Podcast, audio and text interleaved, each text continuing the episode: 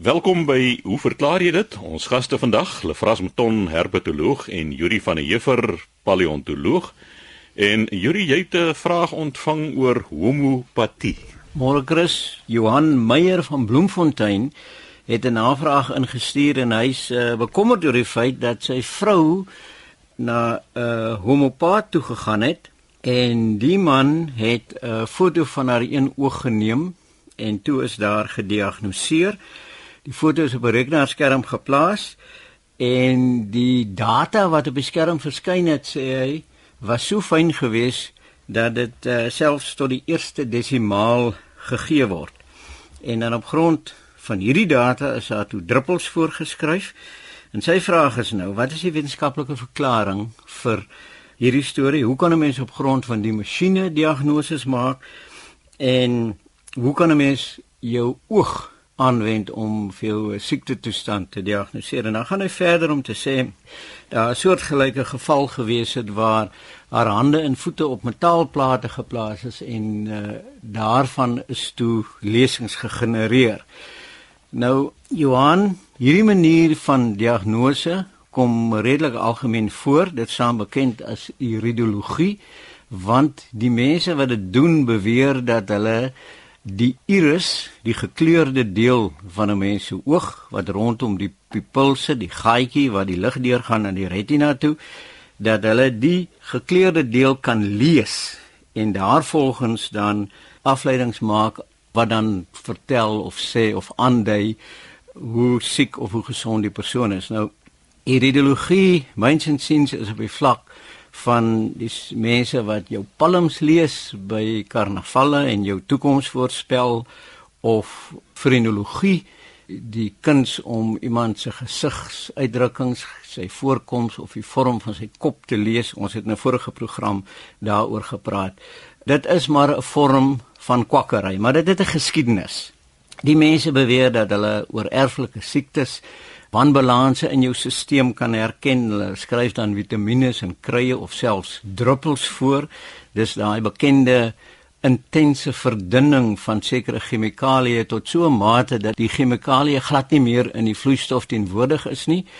Maar die mense beweer dan dat die water waarin die chemikalieë gewees het, 'n geheue het van die mediese kwaliteite van die chemiese bestanddele en dat dit nou as 'n medisyne aangewend kan word. Nou iemand het my 'n uh, TM% gegee waarop daar aan die voorkant so 'n slagspreuk gedruk is wat sê homopatie daar sit niks in nie. Nou hulle beweer dat die kuns van iridologie begin het by 'n Hongaar en hy het so half onuitspreekbare naam maar dit lyk vir my iets soos Ignaz von Peselli. Die het glo op 10 jarige ouderdom 'n uil gehad waarvan die een been gebreek is en hy toe die uil begin versorg maar het agtergekom dat daar so 'n streepie in een van die uil se irisse is en soos die been gesond geword het, het die streepie verdwyn en dit het hom nou aan die dink gesit en toe het hy later 'n dokter geword en dit by sy pasiënte ook opgemerk dat die iris kan sig nou die siekte toestand weer gee of aandui wat in die liggaam is. Tans is die seker die bekendste iridoloog in die wêreld is 'n Amerikaner met die naam van Bernard Jensen. Hy's 'n chiropraktisyn en hy het selfs al boeke hieroor geskryf. Nou wat hulle doen is hulle deel of verdeel die iris in 40 sones. En elkeen van die sones is nou sogenaamd gekoppel aan 'n spesifieke orgaan of 'n deel van die liggaam. En dan as daar iets verkeerd is met die orgaan, sien 'n mens dan in die iris 'n uh, abnormale voorkoms van kolletjies of kleure of lyne. Oorspronklik het die iridoloog dit gedoen met 'n vergrootglas of met 'n flits in jou oog gelig en dan die iris gelees. Dis dan natuurlik soos jy self gesien het Johan maak hulle van moderne tegnologie gebruik so kameras word gebruik dis gekoppel aan 'n rekenaar so jy kry nou prentjies van die iris op die rekenaar.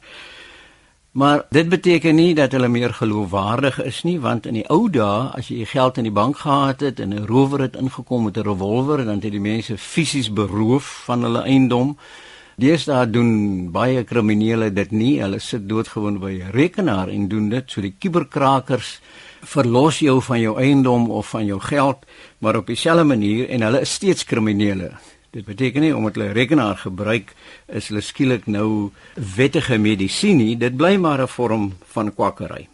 Nou wat hulle wel sê is dat die iris is nou baie nuttig om te gebruik want in die oog dan kom die simpatiese senuweestelsel, die deel van die senuwees wat hulle nou van praat, kom die simpatiese senuweestelsel aan die oppervlak en dit reflekteer dan die toestand van die liggaamsdele en hulle bring selfs die gees en die siel hierby so hulle kan jou hele geestestoestand diagnoseer. Nou enige iemand wat homself al met 'n naald gesteek het weet natuurlik dat die senuweestelsel baie na aan die oppervlak lê op verskillende dele van jou liggaam nie noodwendig die oog nie.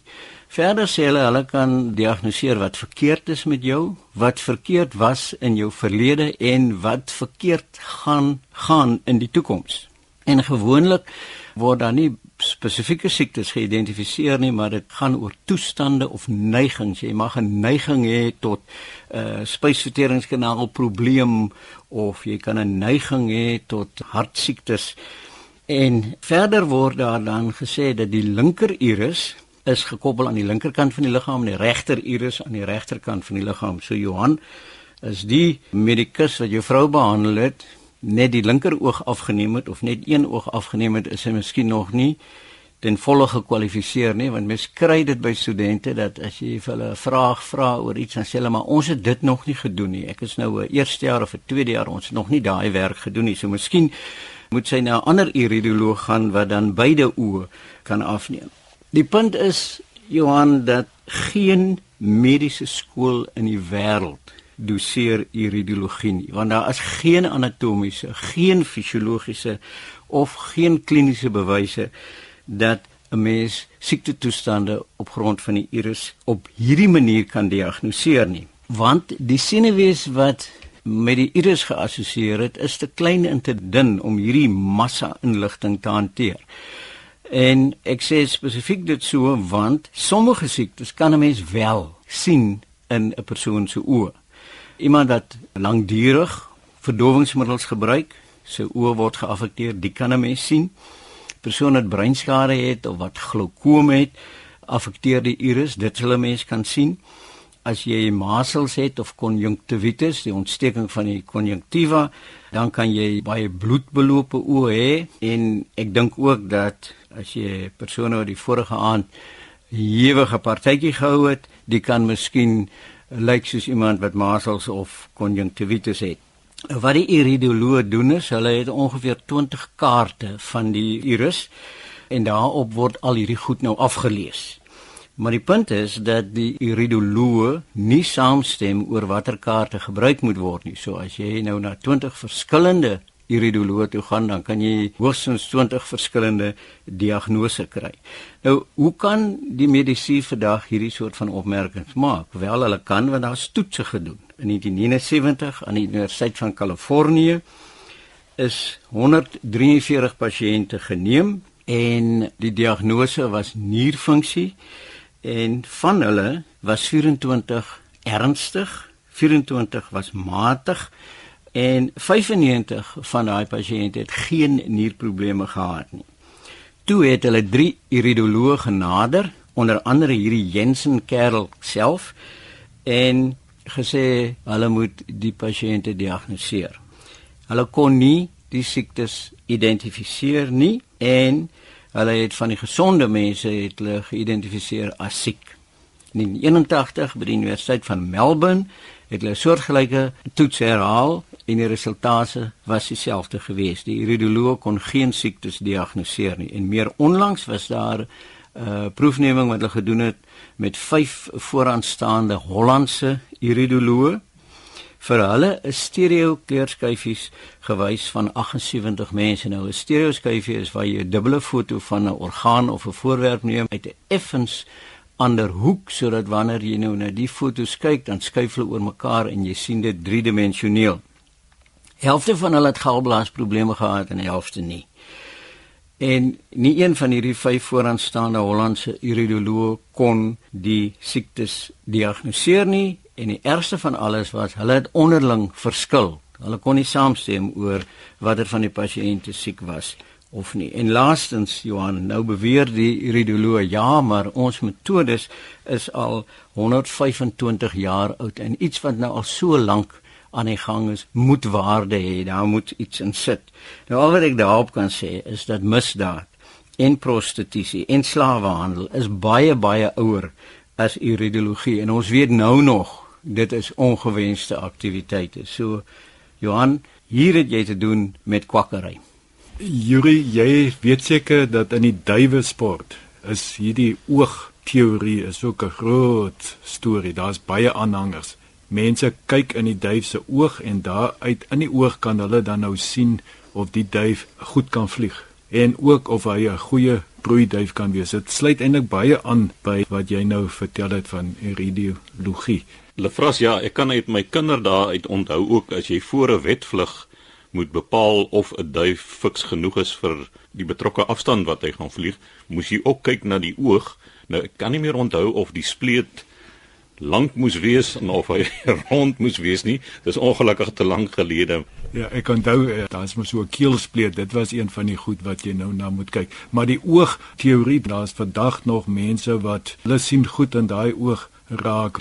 Maar die punt is net soos wat jy nou vertel het, dit maak nie biologies sin nie. Hoe sal 'n duif se vliegvermoë permanent in die oog sigbaar wees? Jy sal wel in die oog kan sien dalk as as die oog bietjie dof is, die duif is nie heeltemal gesond nie, maar die sulke morfologiese of inherente fisiologiese eienskappe in die oog te kan raak sien of dat dit daar gemanifesteer is dit maak nie biologies vir my sin nie heeltemal reg lefras mens kan nie dit doen nie maar jy kan miskien iets sê oor die algemene toestand van so 'n dier of die oog nou versonke is of nie en uh, dis iets wat mense toepas as jy hier in die Kaap snoek koop.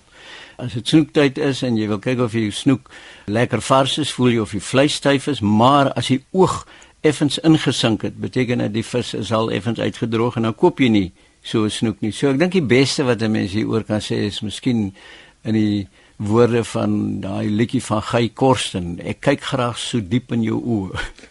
Nou ja, so gesels Judy van der Heever oor homopatie. Hulle vras Maton, jy het 'n vraag ontvang, 'n luisteraar het 'n duif wat eiers lê en die eiers broei nie uit nie. Hoekom nie? Ja, Chris Welgemoed van Durban. Hy en sy vroue daar so afgetree en hulle het by die strand dat hulle nou nog gereeld duwe gaan kos gee. Op 'n dag het 'n motor 'n duif raak gery en hulle het die duifie gered, huis toe gevat die vlerk was skynbaar af, hulle het die vlerk gespan en so met die tyd het die duifie gesond geword, maar kon nie vlieg daarna nie. Hulle het die duifie nou daar gehou en hulle het 'n buitehok en 'n binnehok. Die binneste hok is noem 'n budgie hok. Ek weet nie of budgie Afrikaans is nie.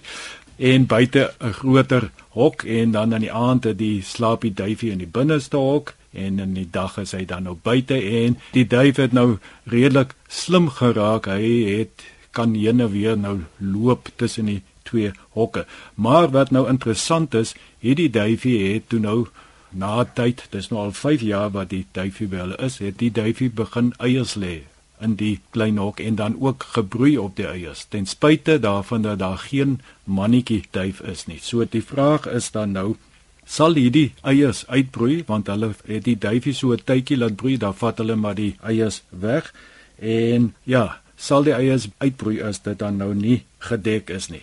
So ek dink die belangrikste ding om eers oor te praat is dat voëls in die algemeen nie sommer net eiers lê vir die plesier nie, want dit is 'n vermorsing van energie. In die natuur, wanneer voëls eiers lê, seker 99% van die kere sal dit bevrugte eiers wees en hulle sal uitbroei. So hierdie is dan 'n geval van dit is in gevangenskap en mens sal nou vra wat is die redes? Hoekom lê hulle eiers en kan hulle uitbroei? Ons vat sommer die tweede vraag, die eiers gaan nie uitbroei nie want hulle is nie bevrug nie. Daar is nie 'n mannetjie nie, hulle gaan nie uitbroei nie. Ons kan later daar is wel ander moontlikhede maar ons kan later daaroor praat. So, hoekom lê die wyfie eiers? Baie voëls sal mens sien lê eiers as jy in 'n troeteldierwinkel ingaan, dan lê daar baie kere eiers op die vloer en dis nie laat hulle broei of iets en as baie keer is die geslagte apart. Nou daar is twee moontlikhede. Die eerste moontlikheid is dat wyfies pools in die algemeen moet gereeld eiers lê. Anders kan hulle probleme optel dat hulle ek bound raak. Wat sal 'n goeie Afrikaanse? Hulle sukkel om eiers te lê. As hulle nie gereeld eiers lê nie hulle wil die slag eier lê dan kan die eier nie uitkom nie en dit kan natuurlik tot hulle dood lei. So voels al is daar nie mannetjies by nie kan eiers lê. Dit is net 'n meganisme om hulle aan die gang te hou want in die natuur sal hulle natuurlik elke broeiseisoen eiers lê dan die ander meer interessante moontlikheid wat hierso gebeur is dat hierdie duifie gestimuleer word deur iets om broei te raak, om te wil broei. En ek het dit nou al baie self met my eie duwe ervaar is dat 'n wyfie duif raak basies op jou verlief as die eienaar. Ek sien Yuri glimlag nou, dit is nou nie 'n obskure liefdesverhouding nie. As jy instap in die hok, want ons hou mos sekere tyd van die jaar hou ons die mannetjies en die wyfies apart, dan sal daardie spesifieke wyfie as jy instap of net naby kom, begin sy by jou letterlik vlek te sleep. En ek kan net dink dat in hierdie geval is net die enkele duif en dit is die eienaars dat sy sal verlief raak op die eienaar en op 'n manier kan dit lei tot dat sy eiers lê en op die eiers broei. Chris, jy sal ook onthou in die afseisoen as die duwe apart gehou word, die geslagte het mens hierdie ewige probleem dat twee wyfies op mekaar verlief raak en hulle lê eiers en mens wil dit nie graag hê nie want 'n wyfie kan maar net soveel eiers lê en nou lê hulle nou dwars deur die jaar eiers. Selfs van die mannetjies kan oppaar en dan nou hulle lê nou nie eiers nie, maar is vreeslik danig met mekaar. So dit is ek dink die geval hierso is dat die wyfie ja, sy dink Chris welgemoed is haar man en nou raak sy so elke dan van broeis. Dit bring mes nou by 'n ander vraag wat ek net nou gesê het, wat nou van hoenders? Hoekom lê hoenders basies omtrent elke dag, elke 25 uur 'n eier? In die natuur kan dit mos nie so werk nie. Ek meen hoenders is nie daar geplaas om kos te voorsien, die eiers te produseer nie. Dit moenie so werk nie. So wat is by hoenders die geval. Daar's natuurlik baie ander voëls wat ook baie soos hoenders is wat dieselfde ding het. Mense moet verstaan dat hoenders kom 'n lang pad aan. Hulle is geteel vir wat hulle doen. So ek dink dit was die Indiese wille hoender wat eerstens mak gemaak is baie baie jare gelede, honderde jare gelede en die mense het agtergekom dat hoenders Hulle begin eers te broei wanneer daar 'n hele aantal eiers is. So die hoene lê eier en loop rond, lê die volgende dag die tweede eier, loop rond en is eers as daar omtrent 12 tussen 12 en 20 eiers is, dan gaan broei hulle op die eiers. En as jy elke dag soos jy eier lê, eier wegvat, dan hou hulle aan want hulle wil hê daardie 12 eiers moet daar wees voor hulle begin broei. Die rede daarvoor is die kleintjies moet almal gelyk uitbroei. So as die hen nou sommer na die eerste eier al begin broei op die eiers, dan gaan die kuikens mos nou oor 'n week se tyd uitgebroei word en dit gaan dit baie moeilik maak want as die kleintjies uitbroei wil hulle rondstap saam met die ma. So as hy begin eers te broei wanneer al die eiers daar is. En die mense het nou hierdie situasie begin uitbuit deur te sien. O, ons moet net die eiers verwyder en natuurlik dan hou die hen aan eiers. Lê amper soos daar's ook ietsie by 'n melkkoe dieselfde situasie. Jy moet net die koe melk elke dag dan gaan die koe vir baie langer tydperk melk produseer as wat eintlik nodig is. So nou met teeling kon die mense oor die jare natuurlik hierdie situasie redelik aanpas en dat hoenders amper nou baie van hulle lê eiers die hele tyd hulle raak amper baie selde broeis laat hulle nou wil broei. Hulle produseer net eiers. Hulle is al geneties gemanipuleer kan mens sê. So dit is 'n baie interessante storie tot ons voordeel voels wat dan nou net eiers sou produseer en nie daarop wil broei nie. Ja, dit is baie interessant die fisiologie van die eier want soos jy nou reg sê 'n hoender lê nou sê maar 'n nes vol sê lê 12 eiers dan is die eerste eier 12 dae voor die laaste eier gelê, maar hoendereiers broei uit na 21 dae. So die die hen begin nie broei voordat al die eiers gelê is nie en die eiers wat nou voor die tyd gelê is, die trap letterlik water. En so gou as wat sy begin broei en die temperatuur styg, dan begin die ontwikkeling, die selverdeling om uiteindelik dan kykens te gee wat min of meer op dieselfde dag uitbroei. Dis dis 'n baie baie interessante verskynsel. En dit maak natuurlik nou sin ook want die ma moet nou 'n hoender is 'n grondvoël, so die predatore en die goed as sy nou begin rondloop met al hy kleintjies ewe oud wees. Dit help nie party is nou nog in die nes en die ander is al uitgebroei nie. Net so 'n interessante ding ook van hoendereiers. Alle voëls lê eiers, maar alle eiers het nie dieselfde hoeveelheid dooier in nie. Soos byvoorbeeld 'n duifeier, mens sou nooit die duif so kon aanpas om te gebruik vir menslike doeleindes nie, want 'n duifeier omdat dit 'n vleiende voël is, het dit eintlik baie min dooier inhoud want die kleintjies by geboorte is hulle mos nou naak en blind en dan kom die pa by en dra kos aan. Maar by hoenders is daar klomp dooier in want as die kleintjie uitbroei moet hy selfversorgend wees en dit maak dit natuurlik nou dat 'n hoender eier of enige grondvoël se eiers is ideaal vir produksie van eiers vir menslike gebruik. Ja, dink maar aan 'n volstruis. Ja, Volstruis is mos maar dieselfde storie. Al hierdie voëls, hulle moet ook eers 'n hele klomp eiers lê voor hulle begin broei en dit is natuurlik 'n lekker groot eie, maar ek dink omdat dit so groot is, is die produksie wat jy by 'n volstruis kry is baie minder en een volstruis eier is nie 'n lekker pakket nie. Dit is te groot. Jy kan nie elke dag 'n volstruis eier eet nie. Hoender eier is net reg. Een of twee hoender eiers is reg verpak om dit vir menslike gebruik handig te wees. Dan het Chris Welgemoot nog 'n vraag gevra. Hy sê hy sien dat die wyfie duif nou as hy nou broei op die nes, dit is nou in die kanariehokkie, dan maak sy nie vuil in die hokkie nie. As eers wanneer nou uitgehaal word en sy nou nou loop na die groot hok, dan sal sy nou haar ding doen op die grasberg. Nou, dit is nie uniek nie, dit kom by al die voëls voor dat terwyl hulle broei, sal nie een van hulle in die nes hulle ding doen of eers naby die nes nie. Dit is wanneer hulle opstaan en ja, alle voëls doen dit en dit is natuurlik om die storie skoon te hou wanneer die kleintjies uitbroei. Duifies wat nou hulle self moet omsien. Dan is dit natuurlik 'n heel ander storie. Daai klein voeltjies, meeste van hulle mik om dit oor die nesse rand te doen. Hulle probeer om dit skoon te hou, maar so met die tyd raak daai neste maar redelik vol voelmis. Om bietjie terug te gaan na Frans, is interessant wat jy gesê het van die grondvoëls en hulle neste. Een van die goed wat die paleontoloog wat die dinosouriërs bestudeer het agtergekom het met 'n spesifieke dinosourier genus wat 'n paar jaar gelede beskryf is. Hulle het die neste van die goed gekry en hulle kon toe ook sien as gevolg van hoe baie fyn getrapte eierdoppe in die neste gewees het is dat die kleintjies nadat hulle uitgebroei het nie selfversorgend gewees het nie maar in die nes gebly het vir 'n lang tyd so die ja. ma dinosourier het die kleintjies versorg. En dit is hoekom die naam toe Maiasaura aan die dinosourier gegee is wat beteken goeie moeder. En as jy nou kyk na die broeikolonies van seevoëls wat op die grond broei dan is die afstand tussen die neste in verhouding met die grootte van die voël sodat as twee wyfies op die nes sit dat hulle mekaar nou nie kan raak pik nie. En dis presies wat hulle met die dinosourusneste ook gekry het want hulle die geraamtes van die dinosourus gekry so hulle kon die grootte bepaal het en die afstand tussen die neste was ook so gewees dat twee wyfie dinosourus nie met mekaar sou kon inmeng nie Ek moet dan nou net afsluit deur te sê ja, dit is vir my altyd nog verstommend dat voels nou nog hierdie lewende dinosourusse is.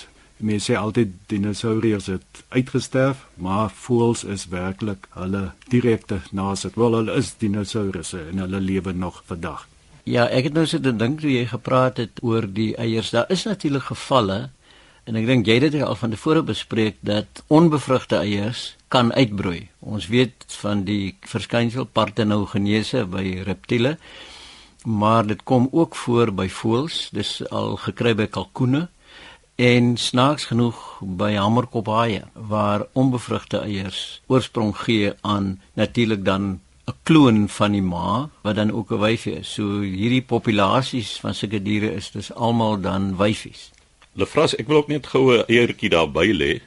Jy het nou verwys na die hoendereiers. Nou ek het gevind in my kinderjare met vrylopende hoenders, werfhoenders, dat jy altyd een eier in die nes moes los want anders soek daardie hen 'n nuwe nes. En dis ook waar die uitdrukking vandaan kom jy moet 'n neseiertjie wegsit. Uh, Hoender is dan ook nou nie heeltemal 'n hoender nie. Jy weet hulle kom seker agter, luister, hier's iets wat by eiers steel soos ek hulle lê. En dit kan mos nog maar net die predator wat weet waar sy die eiers lê dan probeer sy nou op 'n ander plek lê. As jy mens wil hê dat die hoenders moet lê of in 'n spesifieke plek broei want die hoenders raak ook slim, hulle gaan na in die bos in en dan gaan lê dit daar waar jy nie weet nie. So dan sit jy plastiek eiers daar op die nes wat jy nou gebou het, 'n hoenderhokkie of wat ook al. En dit sal hulle as daar so ses lê, dan dink sy o, dis 'n veilige plek om eiers te lê. En dan kan jy elke dag die eier wegvat en net die plastiek eiers agterlos. Ja, daarmee het die tyd ons ook ingehaal. Ons sê dankie aan ons gaste, Lefras Meton, herpetoloog en Juri van der Heever, paleontoloog.